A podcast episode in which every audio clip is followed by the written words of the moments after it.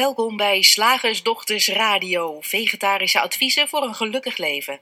Linda Spaanbroek en Angela Mastwijk geven je een kijkje achter de toonbank van de menselijke ervaring. Hoe werkt het daar nu echt? Wij maken gehakt van ingewikkelde concepten en fileren met liefde ook jouw leven. Dat alles onder het motto geluk. Mag het een onsje meer zijn? Welkom bij deze uitzending, dames en heren. Mijn naam is Linda. En hier zit Angela. En vandaag wilde ik het heel graag met je hebben over uh, het je zorgen maken over je bedrijf. Oh, wat een mooi onderwerp, Linda. En wat heb je daar veel ervaring mee? ja, ja en, en, en om heel even in te leiden, een eigen bedrijf lijkt eigenlijk per definitie zorgen met zich mee te brengen. Dat Ja. is ook het eerste wat mensen tegen je zeggen als je voor jezelf gaat beginnen. Zo, Nou, jij durft. dat is wel een hele stap. En, eh, en dat lijkt dan heel logisch om te denken dat, eh, je, dat je per definitie zwaarder hebt in een baan, omdat er gedacht wordt van ja, je staat overal alleen voor en je hebt de eindverantwoordelijkheid voor een schijnbaar oneindige hoeveelheid klussen die gedaan moeten worden om je onderneming een beetje lekker op de rails te krijgen of te houden. En heel vaak gaan dingen niet zoals je had gehoopt of bedacht. Weet je, er is een klant die nee zegt, een klant die zich terugtrekt, eh er gaat eens een promotiecampagne verkeerd, er mislukt is een product wat je fabriceert. En eh, er gaat dus personeel weg, nou ja, you Ja, name it. ja. Waardoor je je zorgen maakt. En in sommige gevallen echt grote zorgen. Want ja, ja, ja, ja wat hoe, gaat dat hoe betekenen? moet het verder? Wat gaat dat betekenen voor de toekomst? En Ja. je zou wat dat betreft echt niet de eerste ondernemer zijn die nachtenlang wakker ligt eh, van je bedrijf. Of, wat je tegenwoordig ook steeds vaker hoort, met een burn-out doorploeteren, omdat het nou eenmaal niet anders kan. Hè? Mhm. Waar je bij een Ja. baas, als je werkt als werknemer, kan je de ziektewet in als je een burn-out hebt. Als eh, zelfstandig ondernemer in veel gevallen niet. Of je moet in het gelukkige bezit zijn van een eh, arbeidsongeschiktheidsverzekering, Ja. maar dat is vaak niet het geval. Broodfonds bestaat ook. Ja, precies. Ja. En eh, vooruitlopend op onze shiftdag Moeiteloos Ondernemer, ehm, die je op onze website kunt vinden, wilden wij vandaag eens met je kijken naar een eh, zorgeloos alternatief. Oh, dat klinkt goed zeg. Ik weet niet hoe dat bij jou thuis ging, maar mijn vader zei vroeger tegen ons vieren, niet aan beginnen, hè, een eigen bedrijf. Echt, die, die sores wil je gewoon niet hebben. Ga maar lekker in loondienst als je later groot bent. Ja, ik kan me niet herinneren of mijn ouders dat tegen me gezegd hebben. Ik kan me wel herinneren dat ik het in ieder geval dacht. Oh ja, Ik, ik ga daar dus niet aan beginnen, want Hm. dat betekent gewoon dat ik 60, 70 uur in de week moet werken. ja. En eh, maar twee weken vakantie per jaar. Zes, zes dagen in de week werken. Ik, ja. Ja. ik, zag daar echt, eh, ik zag daar echt helemaal de fun niet van in. Nee. En het grappige was, mijn vader zei dat tegen ons. Maar zijn eigen vader was ook slager, had ook een slagerij. En van de, van de elf overgebleven kinderen was, nou, ik denk eh, driekwart ondernemer. Ja, Grappig, hè? ja. Maar wij werden eigenlijk ontmoedigd. Want, want zoals jij in de inleiding al zei, een eigen bedrijf lijkt per definitie zorgen te baren. En als ik terugkijk, dan denk ik, en ik weet niet, dat, dat hoor ik heel graag van jou, dat al die zorgen eigenlijk eh, terug lijken te leiden naar het financiële stuk. Mhm. Aan, aan de zekerheid die je daarin niet hebt. ja. Wat ons betreft gaat het natuurlijk altijd een stap verder, maar daar komen we straks dan op. Ja. Nou ja, ik denk wel dat je gelijk hebt dat uiteindelijk alles daarop terugkomt. Want als, als ik zo nadenk, hè, ik ben natuurlijk een tijd eh, ondernemerscoach geweest. Dus ik Ja. heb los van het feit dat ik zelf al eh, inmiddels der- 12, 13 jaar ondernemer ben, eh, ook veel ondernemers gesproken en gecoacht en gementord en getraind. En wat je zo al doet met mensen. Ja. En, ehm, en, en dan is eigenlijk alles waar mensen zich zorgen over maken. Dat kan van alles zijn. Dat kan zijn van ja, ik weet niet hoe ik genoeg klanten krijg. Ik weet niet of ik mijn klanten wel kan houden. Ehm, ik weet niet hoe ik bepaalde dingen moet doen. En in mijn geval, omdat ik online marketing coach was, waren de vragen natuurlijk altijd over, eh, nou, over marketing. Ik weet niet hoe ik reclame moet maken. Ik weet niet hoe ik online promoties moet doen. Ik weet niet hoe ik een online training kan maken. Eh, al, die, al dat soort onzekerheden, daar Ja. konden mensen ook echt over wakker liggen. Van ja, maar hoe moet ik dat dan doen en in welk tempo? En wat is dan de beste manier om zo'n online training vorm te geven? Uiteindelijk eh, daarin heb je gelijk met je constatering, kwam het natuurlijk altijd neer op van ja, want als ik het niet goed doe, dan heb ik niet, dan, dan, dan heb ik niet genoeg klanten en dan heb ik dus niet genoeg geld. En er zat vaak ook nog wel iets, zat vaak ook nog iets achteraan van, ik heb dat geld nodig om de toekomst zeker te stellen, Mhm. om veilig te zijn in de toekomst. Ja. Ik moet zorgen voor mijn eigen pensioen. Ik moet zorgen dat ik een spaarpotje heb. Ik moet zorgen dat ik mijn huis afbetaal, wat het dan ook was. Mhm. Ehm, ik moet zorgen dat ik ehm, mijn kinderen een goede toekomst kan geven. En Als ik kijk naar mijn vader, was er ook een soort, ook een gedeelte, een soort prestige. Eh, Elke twee jaar een nieuwe auto, dat moet ik wel volhouden, want eh, dan kan ik dan eh, laten zien op familiebijeenkomsten met al die andere broers en zussen ondernemers van nee, maar ik doe het ook heel goed of zo. Ja, ja daar, soort, had, soort prestige. ja, daar had mijn vader toevallig geen last van. Maar ik kan me voorstellen dat, dat, dat, dat dat ook meespeelt. Ja. Voor sommige mensen dat, het, Mhm. dat, dat dat belangrijk is. En of dat dan in de vorm van een nieuwe auto gaat. Of je kinderen die goed in de kleren zitten Ja. of wat dan ook. Lange vakanties, Ja. verre vakanties. Ja. Ja. Wat ik bij ondernemers ook nog wel eens zie, is dat ze ehm, nou, eenmaal een besluit hebben genomen, ehm, bijvoorbeeld om een huis te kopen. En dat huis hebben ze gekocht op basis van de omzet van de afgelopen drie jaar. Hè? Want je krijgt als Oh, ondernemer een hypotheek op basis van de omzet van de afgelopen drie jaar. En eh, niet alleen de omzet, maar de winst.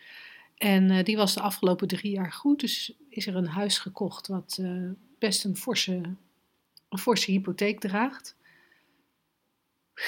En dan, Ja. moet, dan moet er dus wel elk jaar opnieuw dezezelfde winst gemaakt worden. Dan slaat de angst toe. En wat ik het fascinerende vind om te zien, is dat jij eigenlijk gelijk inzoomt op waar denk ik de angel ook ligt. Dat er altijd onder al die zorgen een, een financieel ding ligt. Ja. De angst dat er op enig moment niet genoeg geld zal zijn. Mhm. En dat dat gebrek aan geld ja, zal leiden tot impopulaire maatregelen. Of dat nou is het ontslaan van je personeel, of het is eh, het verkopen van je huis of je boot of je dure auto.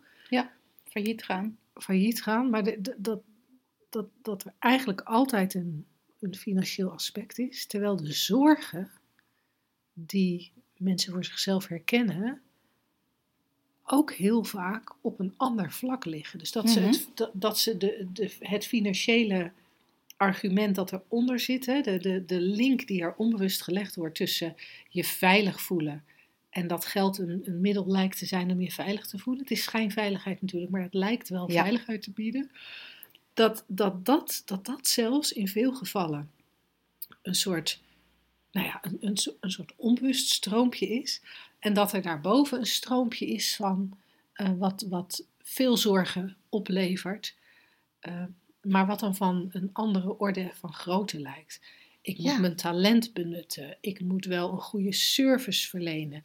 Ehm, als je bijvoorbeeld denkt aan ehm, psychologen, tandartsen, artsen. Ik moet wel voldoen aan de eisen van Ja, de verzekeringen. Beroepsvereniging. En beroepsverenigingen, Ja. verzekeringen. En dat levert mij heel veel zorgen op. Ja. ja, weet je wat ik ook zo mooi vind? Dat, dat, precies wat jij zegt, wij herkennen dat vaak niet als, als diezelfde, dat het allemaal dus, eh, dezelfde grondslag heeft. Ik hoor bijvoorbeeld ook mensen zeggen, ja, ik maak me zorgen over dat ik mijn kinderen niet genoeg aandacht geef, omdat ik zoveel aandacht aan het bedrijf besteed. En, en als dat de ware zorg zou zijn, dat noemen wij iets wat op het hakblok kan, terwijl Ja. dit eigenlijk niet op het hakblok kan, is de oplossing altijd heel simpel. Ja, dan werk je toch minder uren? Ja, Nou, alle bezwaren die daartegen eh, opkomen in je hoofd, hebben allemaal diezelfde onzekere wortel. En dat vind ik zo mooi om dat te gaan herkennen, want dat maakt het al een stuk. We kunnen nog dieper hiermee gaan, hè? maar dat maakt het al een stuk makkelijker dat je herkent dat het één wortel heeft. ja. En wat je ook, ik kan niet zo snel een ander voorbeeld, maar verzinnen, maar wat je ook, of mijn relatie gaat eraan onderdoor. Nou, reserveer je daar toch meer tijd voor? Of doe je daar meer je best voor? Echt, oplossing heel simpel. Nee, Maar nee, nee, dat, kan, niet. want, dan- we werken bedrijf. samen in het bedrijf. en herkennen dat het maar één wortel heeft. Ik noemde financiën, maar hij gaat nog een stap verder. Jij zei al onzekerheid. Dat is natuurlijk gevoel van onveiligheid. gevoel van ja. onveiligheid. Denken dat je een poppetje in de wereld bent wat het moet zien te redden. Het herkennen dat het alleen maar één, één wortel heeft, dat maakt het al een stuk makkelijker. Dan zijn we al eigenlijk een beetje in de richting aan het kijken van waar wij het over hebben. Dat je ervaring, of die nou over je bedrijf gaat of over iets anders, altijd maar op één manier vorm krijgt. Ja. Hm. Maar Ja, toch, is, ja. ja, ja, En er lijken dan heel veel hoe-vragen te zijn, want dat is wat we, wat we zien. Ja, maar ja, dat is leuk bedacht dat ik mijn ervaring van binnen naar buiten eh, creëer, of eigenlijk dat die gecreëerd wordt. Maar hoe krijg ik meer klanten? Ja. Ja. Ja, hoe laat ik dat bedrijf groeien? Hoe zorg ik ervoor dat het een bedrijf wordt met een miljoen omzet in plaats van met een ton omzet? Weet je wat ik zo cool vind? Ik ken niemand die een eigen bedrijf is begonnen die het niet leuk vindt wat hij doet. Niemand denkt van, nou echt, ik vind het echt vreselijk om mensen te coachen, dus ik begin een coachingsbedrijf. of ik vind het echt ongelooflijk irritant om klanten achter een toonbank te helpen, dus ik begin een winkeltje. Nee. Iedereen die, die een, een onderneming begint, doet iets wat hij leuk vindt. Ja, en, waar, en de, marketingcoach in mij zegt dan onmiddellijk ja. Er zijn, maar, er zijn, maar er zijn Ja. ook mensen die beginnen iets, een winkeltje, Hmm. en ehm, vergeten, eh, nou ja, vergeten daar een beetje leuk over na te denken. Wij waren op Ibiza, weet je nog, dat we in een winkel waren. Het was een meubelwinkel. En daar stonden zo onwijs veel meubels Oh in. ja. En lampen en aankleding en snuisterijen. Dat we nauwelijks tussen de spullen door konden. En ook Ja. tegen elkaar zeiden: Hier, je ziet gewoon niet wat er allemaal is. Nee. Dus je wordt helemaal niet uitgenodigd om iets te kopen. En hier staat voor een kapitaal aan voorraad. Ja. Ehm, En je krijgt het niet eens die winkel uitgetrokken, zo vol staat het. ja, en dat was echt zo. Als je daar iets had willen kopen, ik, ik weet niet hoe ze het eruit gaan. Ingewikkeld. En, en dan denk je van ja, oké, maar ja, iemand moet toch wel een beetje bazaal iets handigs doen met ondernemen. eh, om er een succes van te maken.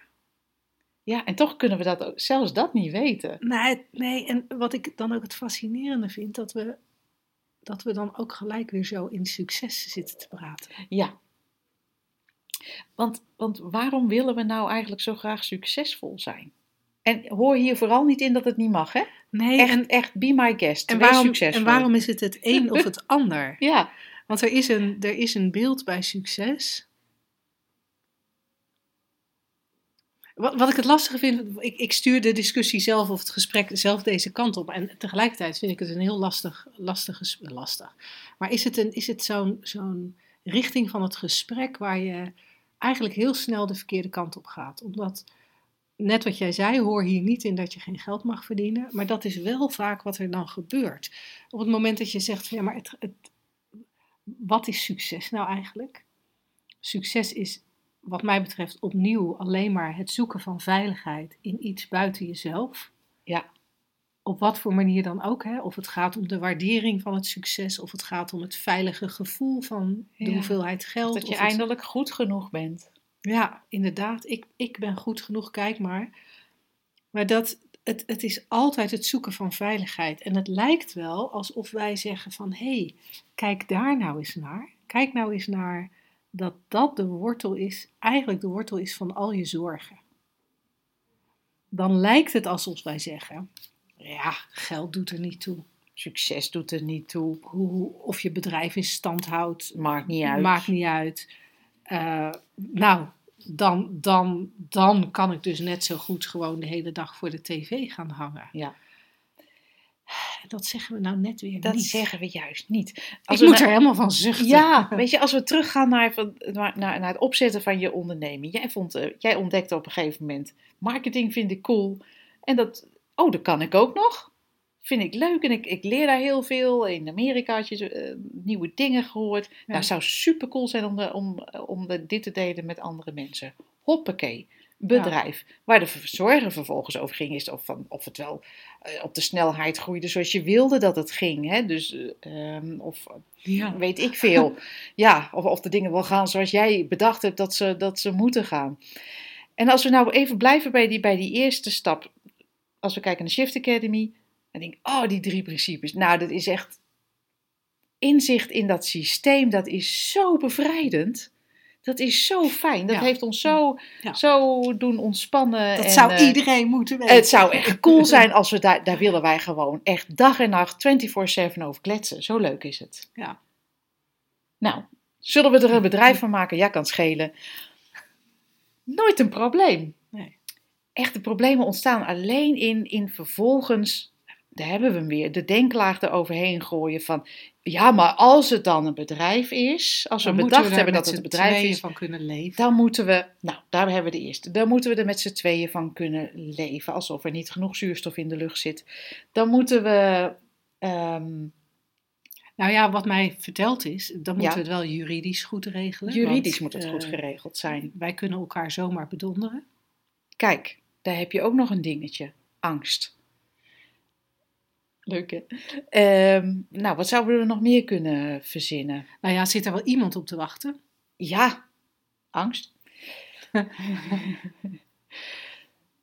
Eh, ja, de- de- een afgang ten opzichte van mijn voormalige Ja, klanten. je want was ik zo natuurlijk- succesvol. Ik was zo meid. succesvol. En, En dat zet je dan zomaar aan de kant. En dan ga je hier een beetje dom zitten lachen tijdens zo'n radioshow. Ja, en dan- en dan- Ik ga het even lekker overdrijven. En wat ze- ja, weet je, dan nemen ze me natuurlijk nooit meer serieus. Angst. Kan ik de studie van mijn kinderen nog wel betalen? Oeh, bang. Angst. Weet je, het is uiteindelijk alles, alles. En er, wa en er, waren, er waren, toen wij met dit bedrijf begonnen, waren er natuurlijk meer gedachten. was ook de gedachte van, ja, ik had personeel. Ja. Ja, In eerste instantie moest dat, eh, ja, dan konden we dat niet betalen. nee. Dus ja, dan moet je afscheid nemen van dat pers- personeelslid. Die was ook nog eens heel leuk. Ja, heel erg leuk.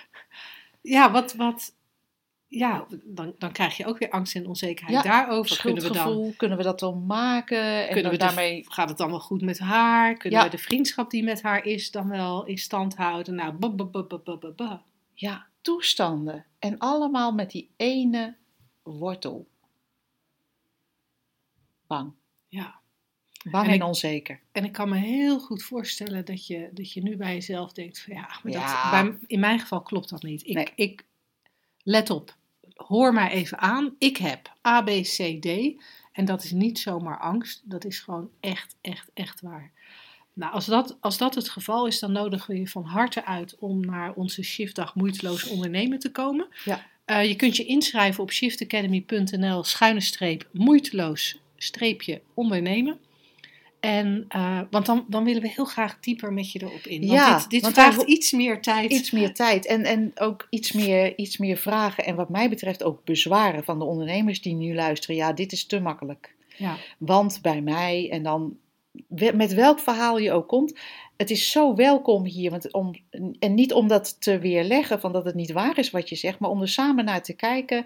En, en nieuwe inzichten te kijken. En, en letterlijk met frisse moed verder te gaan. Of iets nieuws op te starten. ja.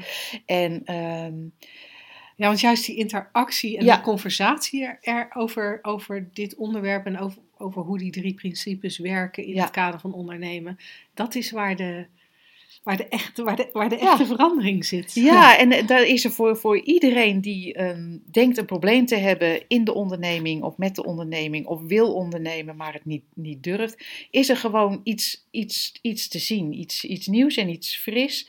En dat zit nooit in wat de Kamer van Koophandel je vertelt, waar je vader je voor heeft gewaarschuwd. Of, eh, De dreigementen van de Belastingdienst. Nee, nee, nee daar, daar zit nooit iets nieuws en fris in. Nee. Dus ehm, ja, het lijkt me heel leuk om die dag eh, in gesprek te gaan met mensen die ondernemen. 15 april, hè? Ik weet het niet precies, maar Ja, ik op weet het eh, zeker. de pagina moeiteloos Verjaardag van mijn zoon. Oh, kan je het vinden? Moeiteloos ondernemen op Shift Academy. We zien je graag dan en daar. Zeg, slagersdochters, hoe bak ik die vegaburger? Over naar de luisteraarsvraag. Nathalie eh, schrijft ons. Nathalie heeft haar vraag eh, gestuurd aan vragen.slagersdochters.nl. Misschien handig om dat er even bij te zeggen. En eh, ze zegt: Bij deze heb ik nog een vraag voor de radioshow. Ik hoor namelijk dat jullie nog wel eens aangeven dat er geen vragen zijn. Dus ik dacht, ik gooi er eentje op. Nou, heel goed. En Ja, als jij leuk. nu luistert en je hebt ook een vraag, we ontvangen hem graag. Ehm, en ze zegt, de vraag is als volgt. Wat betreft de dood en ook ziekte, in het geval van mensen die terminaal zijn, hoe kan je daarnaar kijken in het geval van de drie principes? Alvast bedankt en warme groet. Nou, wat een mooie vraag ook weer, hè? En, en ik zou heel graag willen beginnen met nog even opnieuw te zeggen, of misschien hoor je dat voor het eerst, eh, dat de drie principes een uitleg zijn van hoe het leven vorm krijgt en wat de waarheid daarachter is. Het vertelt je dus nooit hoe je ergens tegenaan moet kijken. Het zegt alleen, elke ervaring die er is, komt zo tot stand. Mind, consciousness en thought. En als je daar meer wil over weten en denkt, waar hebben ze het nu over? Dan kun je een e-book daarover downloaden op onze site slagersdochters.nl of shiftacademy.nl. Daar staat dat uitge- uitgelegd eh, wat ze zijn en, en hoe het werkt. Het geeft dus geen enkele instructie. Het zegt niet, je moet op een andere manier hier naar kijken. Hè? Nee, want dan, dan ben je eigenlijk met omdenken bezig. Van nou, ziekte en dood, het lijkt nogal een drol te zijn. Daar maar je kan er ook een taartje van maken. In elke ziekte heeft je wat te brengen. Of de dood, oh, bestaat niet. Het is alleen maar een transitie. Ik noem maar wat. Hè, waar, hoe je ook eh, tegen de dood aan zou kunnen of tegen kijken of tegen de ziekte aan zou kunnen kijken op een andere manier. En dat is nooit de instructie van drie principes. Dat even als voorafje en disclaimer. En het is, het is heel verleidelijk om het er wel in te ho- horen. Hè? Van, oh, dus ik moet er zo naar kijken. Omdat wij natuurlijk wel praten, Linda en ik persoonlijk, van hoe wij dat zien. Ja, en ook omdat wij natuurlijk ervaren dat als je meer inzicht krijgt in de drie principes, dat het leven makkelijker wordt. Zeker. Dus op het moment dat er iets in je leven is wat schuurt en wringt en wat, wat pijn doet, wat verdriet bezorgt, dan zijn we snel geneigd om te denken: oh, Ja. oké, die slagersdochters zeggen dat het makkelijk kan. Oké, nou vertel mij dan maar hoe de dood of hoe een terminale ziekte ook makkelijk kan. Ja. En dan is het zo prettig om, om heel rustig te beginnen eigenlijk. Met ernaar te kijken voor jezelf. Dat zo'n zo'n term als dood, hoeveel denken daar wel niet omheen zit. Hoeveel concepten daar omheen zitten. Ik noem maar iets. Hij is te vroeg heen gegaan. Het idee Ik ga hem missen. Ja, Dat vind ik altijd een fascinerende in het kader van ouders van volwassen mensen. Ik ken veel mensen, veel volwassen mensen, wiens ouders nog leven en die zien hun ouders misschien één keer in de maand. Ja. Eén keer in de twee maanden. En ze, ze bellen elkaar af en toe wel eens, maar eigenlijk is er weinig contact als je het in uren uitdrukt. Ja. En, en het is verder wel, het is een warm Ja. gevoel en zo, is niks mis, Ja, maar nee, je leeft geen je, enkel oordeel je, over. Je leeft je leven Ja. en die ouders leven hun leven. Ja. En heel af en toe eh, kruisen jullie paden elkaar. En dan toch, dan overlijdt papa of mama. Mhm. En, en dan komt er ineens het gevoel van: ik heb ze niet meer, ik ben wees, ik kan nooit meer op ze terugvallen. Kan ze nooit meer even bellen, even binnenvallen. In het dagelijks leven is er eigenlijk geen verschil, als Nee. je heel eerlijk bent. Nee. Want dat, dat bezoek je één keer in de maand of één keer in de twee maanden op zondagmiddag, helemaal naar de andere kant van het land, ja, dat is nou niet iets wat je echt, wat echt uitmaakt in je leven als dat er niet meer is of dat dat er wel is. Maar er ontstaat heel veel denken over gemis. Ja, interessant. Hè? Mag ik daar een anekdote over Ja, vertellen? natuurlijk.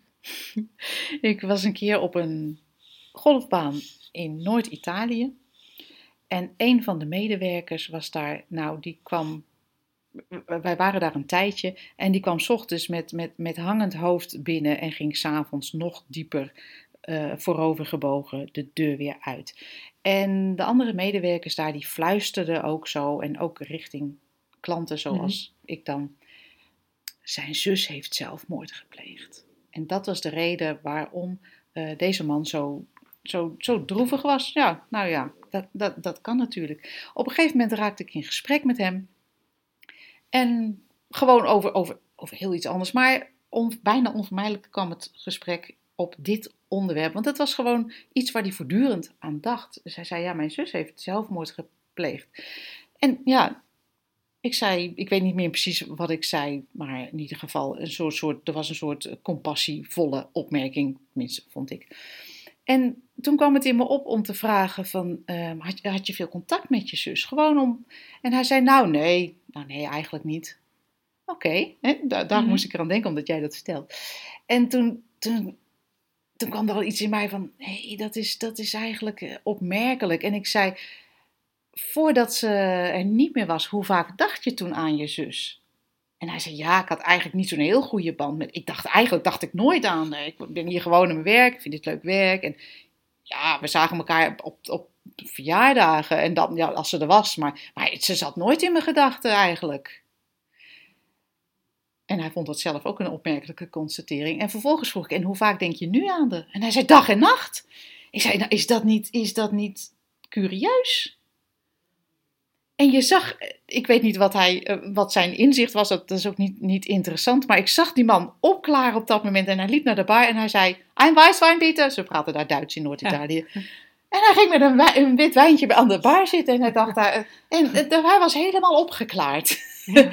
en ik vond het zo'n mooi voorbeeld van, oeh, als er iets, iets, iets gaat waarvan we gedacht hebben dat mag niet. En dood mag niet, hè, dat in mhm. onze cultuur dat dan de neigingen is. En dat is eigenlijk gewoon een gewoonte, omdat we niet snappen hoe het systeem werkt, om daar ons dan continu mee bezig te houden. En iedereen daaromheen ook. En, en dan een soort begrip en, en, en, en empathie. En, terwijl je dacht er nooit aan. Ja, ja. ja en, en, en dat geldt natuurlijk voor een terminale, voor een terminale ziekte precies hetzelfde. Ook daar hebben we heel veel gedachten over. Ja dat het niet mag, dat het die onnodig is. Die rotziekte, de pijn, uh, ja. het, het, en dat kan natuurlijk allemaal opkomen. Hè? Daar, daar, willen we niks aan afdoen. En, en het is niet zo dat we zeggen, ah joh, doodziek, maakt helemaal niks uit. Nee, maar een, een, een hele frisse, frisse blik. Ja, ja, want je raakt daar aan iets wat ik ook heel graag wilde zeggen. Dat er, het ziet er voor mij uit alsof er ook een behoefte is bij een groot deel van de mensen, in elk geval bij een groot deel van de mensen die uh, in, in, eh, naar, naar ons luistert, uh, om, om geen verdriet, pijn, nou ja, noem maar, noem maar een aantal emoties die we als ongewenst beschouwen. Mhm. Eigenlijk is er de wens om geen ongewenste emoties te hebben. Ja. En um, verdrietig zijn omdat een naaste terminaal ziek is. Of bang zijn omdat een naaste terminaal ziek is. Bang zijn voor wat de toekomst gaat brengen. Bang zijn voor het feit dat je alleen achterblijft met jonge kinderen. Bang zijn voor wat dat betekent. Die, dat, die angst, het verdriet, het, alles wat er aan emoties mee samenhangt, die vinden we onwijs vervelend en die willen we niet. Ja. En, en daar zit iets in, hè? En daar zit iets in, want daar begint ook een enorm gevecht. Daar begint ook een zoektocht. Daar begint, ja, daar begint ook van, ja, maar hoe kan ik er dan naar kijken zodat ik er, zodat ik er last, geen last van heb, dat het geen pijn doet. Ja, en, en pijn is gewoon een van de een van de emoties die een mens kan hebben. Een van de gevoelens die in, het, in dat hele rijke scala aan gevoelens, die allemaal, een, allemaal gerelateerd zijn aan het denken. Ja die mogelijk zijn in de menselijke ervaring. En verdriet is gewoon verdriet en er is tijd wel eens voor verdriet. En, en, en, maar minder lang dan we denken. Minder lang dan we denken, want zoals, zoals het voorbeeld van jouw Italiaanse uh, meneer op, het, uh, op de golfbaan, dat vind, vind ik hartstikke mooi, mooi voorbeeld in dit kader van, ja, ongetwijfeld als hij het nieuws kreeg, is er verdriet. Ja. En dan kunnen we daar heel erg klinisch naar kijken. ja, er was eigenlijk alleen maar Ja. verdriet omdat hij verdrietige gedachten had. Maar zelfs als we dat weglaten, Ja, er was verdriet. Er kwam Ja, nieuws, er was verdriet. Ja, Alleen in zijn geval kun je heel duidelijk zien dat het verdriet in stand bleef. ja, Doordat de, doordat de gedachten steeds gerecycled werden, vastgehouden werden. En we kunnen er een heel filosofisch gesprek over houden. Hoe dat dan komt en waar dat dan door komt en waarom dat dan is. Maar alleen al dat constateren. Oh, die, die, dat verdriet bleef doordat die gedachten gerecycled werden. ja, En mijn verdriet blijft omdat ik, omdat ik heel veel gedachten heb van verzet. ja, Ik heb het denk ik wel eens vaker genoemd, maar ik, ik, ik heb vorige zomer veel, veel, veel verdriet gehad. En ik heb wel eens geconstateerd dat de meeste pijn veroorzaakt werd door Ja. mijn verzet tegen het Ja. verdriet. ja.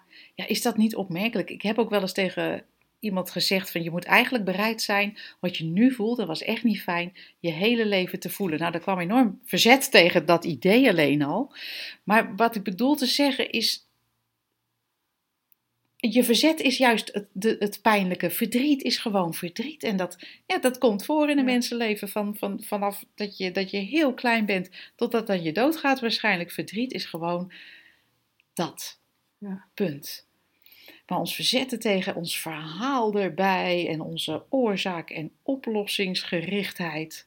Ja. Dat houdt het juist in stand, dat houdt het lijden in stand. Daarom zei Sidney Banks, degene die die drie principes eh, heeft geformuleerd, om uit te leggen hoe jouw psychologische ervaring van het leven is en wat de waarheid erachter eh, inhoudt. Die zei ook als mensen alleen maar bang, niet bang zouden zijn voor hun ervaring. Als verdriet nou gewoon verdriet is. En je hoeft er niet bang voor te zijn. En je hoeft er niet anders over te denken. En je hoeft er niet in te ruilen voor een, voor een gezellig gevoel. Nou, ik heb nog nooit een gevoel lang in stand zien blijven als je dat weet. Ja. Dan wordt het zo eigenlijk zo vloeibaar als dat het eh, ja, bedoeld is. Is ook weer een concept natuurlijk. Want weten wij veel hoe het bedoeld is. maar, maar dan is er gewoon een hele rijke ervaring. En dan is er verdriet als er verdriet is. En blijdschap als er blijdschap is. Dat zie je ook aan kleine kinderen op een begrafenis. Of bij een terminaal zieke opa, oma of moeder. Ja. Of vader. Zo'n kind kan spelen rondom de kist. Die kan vragen hebben over... Mam, als jij doodgaat, mag ik dan, jou, eh, mag ik dan jouw hoge hakken hebben? Waarvan wij denken, maar... En, maar dat geeft al aan, als er verdriet is, is er verdriet. En als er zo'n vraag opkomt van, oh, dat lijkt me cool. Ja. Dan komt, dan komt die op. En, en dan zeggen wij, ah ja, zo'n kind ook in alle onschuld. Nee, maar dat is wat natuurlijk is. Ja. Dat vind ik zo mooi om te zien. En dat Ja. kunnen wij ons als volwassenen natuurlijk ook realiseren. Dat we heel kinderachtig mogen worden in onze emoties. Ja. Gewoon huilen als er, als er verdriet is. En, en boos zijn als er boosheid is. En, en wat er dan ook zich aandient. En zonder verzet. ja, en ook zonder gevolgtrekkingen daaraan. Ja, Zonder, Want dat ja, is natuurlijk ook wat we zelf doen. Oh, ik huil nu. Ehm, Waarom ook alweer? Oh, ook, oh, dat, om Ja. die reden. Ja, oh, dat mag niet. Dat mag Dat is niet. de Of verkeerde reden. omdat ik om deze reden huil, kan ik dus niet. Of moet ik juist wel? Ja, jeetje, dan wordt het ingewikkeld, hè? Ja. Ja, Nou, coole vraag, Nathalie. ja dankjewel. Dankjewel. En eh, voor ieder ander die luistert, we krijgen ook heel graag jouw vragen. Ehm, vragen at Shift Academy of vragen at slagersdochters.nl Woensdag, gehaktdag. Zeg slagersdochters, welk concept gaat er vandaag door de molen? Ik wil je beschermen tegen pijn. Wow. Nou, past die even goed bij die vraag? Ja, Oh ja, ik kan dat zo zien bij, bij kinderen.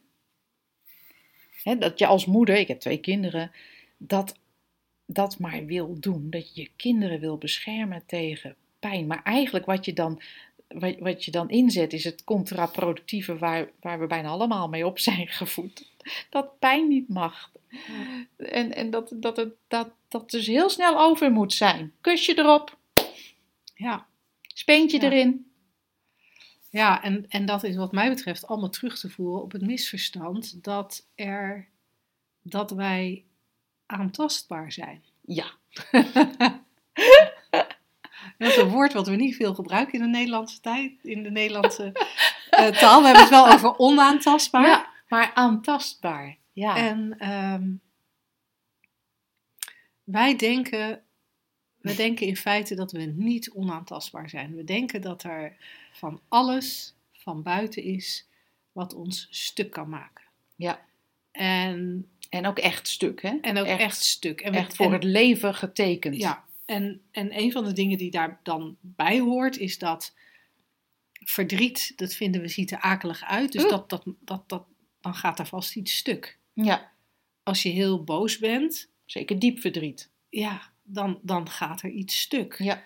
Als er iets gebeurt in je leven wat je echt zo ontzettend graag anders zou willen. Dat je in hevig verzet gaat met tranen, boosheid en wat kan- en woede. Dan gaat er vast iets bij je stuk. Ja. Dat, is natuurlijk ook, dat, is ook, dat zeggen ze natuurlijk ook als je, ehm, als je eh, een relatie hebt en die wordt verbroken en Ja. een van de twee eh, van het stel is het, eh, of een van de twee van het voormalig stel is het daar niet mee eens. Dan wordt er ook gesproken over een gebroken hart. Oh. Hè, alsof er echt iets kapot is. Ja. En ja, het kan best zo voelen, maar het is niet Ja, zo. ja, en je mag het ook best zo noemen, maar het is niet wat er plaatsvindt. Dat is Nee. echt een misverstand. En als je het dan hebt, Linda, over dat je niet stuk kunt. Waar, waar, waar, zit dat? Hoe, hoe ontdekken we dat als we, als we ontzettend pijn lijden? Gosh, Ja. je een vraag. Hoe ontdek je dat als je ontzettend pijn lijdt? Ik kan, ik kan eigenlijk, ik kan alleen maar, wat voor mij het meest helder is, Hmm. dat hoeft natuurlijk niet voor iedereen te zijn, is als ik terugkijk op mijn leven. Ja, En, eh, en, en, en, en dat kan ook, eh, weet je, ik, ik heb inmiddels, je, ik word je, ouder en heel ouder. naar achteren, Ik ben, ik ben echt al heel veel jaar achter me. Maar ook als je eh, naar ons luistert terwijl je 19 bent, dan, dan, of 15, weet je, dan, dan, dan zijn er ook dingen gebeurd in je verleden toen Ja. je jonger was. En als ik terugkijk naar, eh, naar het verleden, dan kan ik herkennen dat er momenten geweest zijn dat ik heel verdrietig was. Dat ik Mm. heel erg bang was. Ja. Dat ik heel erg moe was. Dat ik heel erg fysieke pijn had. Dat ik enorm gefrustreerd was. ook dat ik heel blij was en zo. Maar, Ja. maar, Ja, hè, we- Maar, om, eh, omdat we het nu hebben over beschermen pijn. tegen pijn en de angst voor stuk gaan. Eh, dan kijk je toch vooral daarnaar. Want we, Ja. gaan er, we gaan er bijvoorbeeld al vanuit dat een gevoel van blijdschap, daar ga Ja. niet stuk aan. Een gevoel Nee, van, ik wil je niet beschermen tegen, ik wil je zo, ik wil je beschermen tegen blijdschap. ja, we proberen elkaar ook niet te beschermen tegen liefde of tegen eh, genieten of tegen vrolijkheid. Er is een aantal emoties waar we elkaar voor willen beschermen, waar we onszelf voor willen, eh, tegen willen beschermen. Wat mij betreft komen we dan weer een beetje terug op waar we het net over hadden. Dat Mhm. verzet tegen wat er in een bepaald moment is. Als ik nu terugkijk op dingen in mijn leven waar ik verzet tegen had. Omdat Mhm. ik vond dat ze anders Ja. moesten. En ik was al heel jong dat ik wist dat dingen anders moesten dan ik. Ik wilde ze anders. Dan, dan, eh, ik kan me nog een moment herinneren, dat toen, ik was echt op mijn vierde verjaardag toen ik voor het eerst naar de kleuterklas ging. En ik deelde appels uit voor mijn verjaardag. En mijn moeder had die mooi in een servetje gedaan met een strikje eromheen. En ik kan me nog herinneren dat ik een jongetje een, een appel wilde geven. En die keerde zich van mij af. Die wilde die appel niet. Die, die, die vond die appel echt vies of zo. En dat wilde ik niet, dat hij zo reageerde. Ik hij wilde blij zijn met mijn appel. Precies. Rotjong. Dus dat riep, zo jong als ik was, riep dat een emotie in me op. Nou, wat het, wat het ook is waar je aan terugdenkt, hè? Hmm. Maar er, is, er, is, er, er gebeurt veel in een leven aan emoties, aan fysieke pijn, aan van alles en nog wat. En uiteindelijk, uiteindelijk is er met dat lijf van alles gebeurd. Hmm. Er is van alles gedacht, er is van alles ervaren, maar er is tegelijkertijd iets Ja. wat altijd aanwezig is gebleven en nog steeds aanwezig is gebleven. En dat kan ik niet heel goed als ik zeg, ja, de echte Linda is er nog steeds. Dan is, dan, dat is het, Het net, is het net niet. niet, hè? Nee. En het is ook niet dit lijf, want dit lijf is echt niet meer het lijf van het vierjarige meisje. Maar er is iets. Er is, Ik zie dat helemaal voor me, dat hier een vierjarige naast me zit die dit soort wijze woorden uit. Nou, dat zou ik zomaar kunnen. maar, Ja, er, is iets wat dat ervaren heeft, waar die ervaring heeft, in heeft plaatsgevonden. Het is natuurlijk, alles wat we erover zeggen klopt net niet, hè. Het is, het, we, we kunnen dit niet in woorden vatten. Maar je kan je er zelf dat wel afvragen van, maar wie heeft die pijn ervaren? En dan kan je natuurlijk wel zeggen, ik, ja, maar wie is dat dan? ja. Is dat dan die ik van vier of die ik van, van, van nu? Of, maar, Ja, want het interessante is natuurlijk dat op het moment dat ik nu deze anekdote even opdiep Ja. uit het grijze verleden. Hij lag echt heel ver hoor op, de, Ja, op mijn nou, gedachtenzolder. Maar ik kon hem toch nog even onder, vandaan, on- onder, alle, onder alle stof vandaan krijgen. Op het moment dat ik nu daaraan denk, komt daar ook weer iets van emotie terug. Ja, dat je denkt van, ah, ah, dat was ik, ah, mijn eerste dag op school. Ah, dat is echt wel sneu dat dat gebeurde. Ja. ja. En, en Of wat jong. En, of rotjo, maakt niet uit, maar ik kan nu eigenlijk alleen maar, wat er nu opkomt, is alleen maar de gedachte van toen. Ja. En ja, het systeem werkt nou eenmaal zo dat elke gedachte ook geanimeerd wordt. Elke gedachte wordt van geur, kleur, smaak Ja. en gevoel voorzien.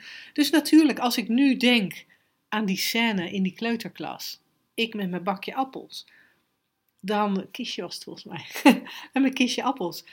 Tuurlijk, het, het systeem doet wat het hoort te doen. Het animeert het denken. Dus komen die gevoelens op. Alleen, waar wij denken dat die gevoelens ons kunnen aantasten, Ja. ah, ah, ah, daar is dan dat Ja, wat alles waarneemt, wat we associëren met het verhaal Angela, wat we associëren met het verhaal Linda,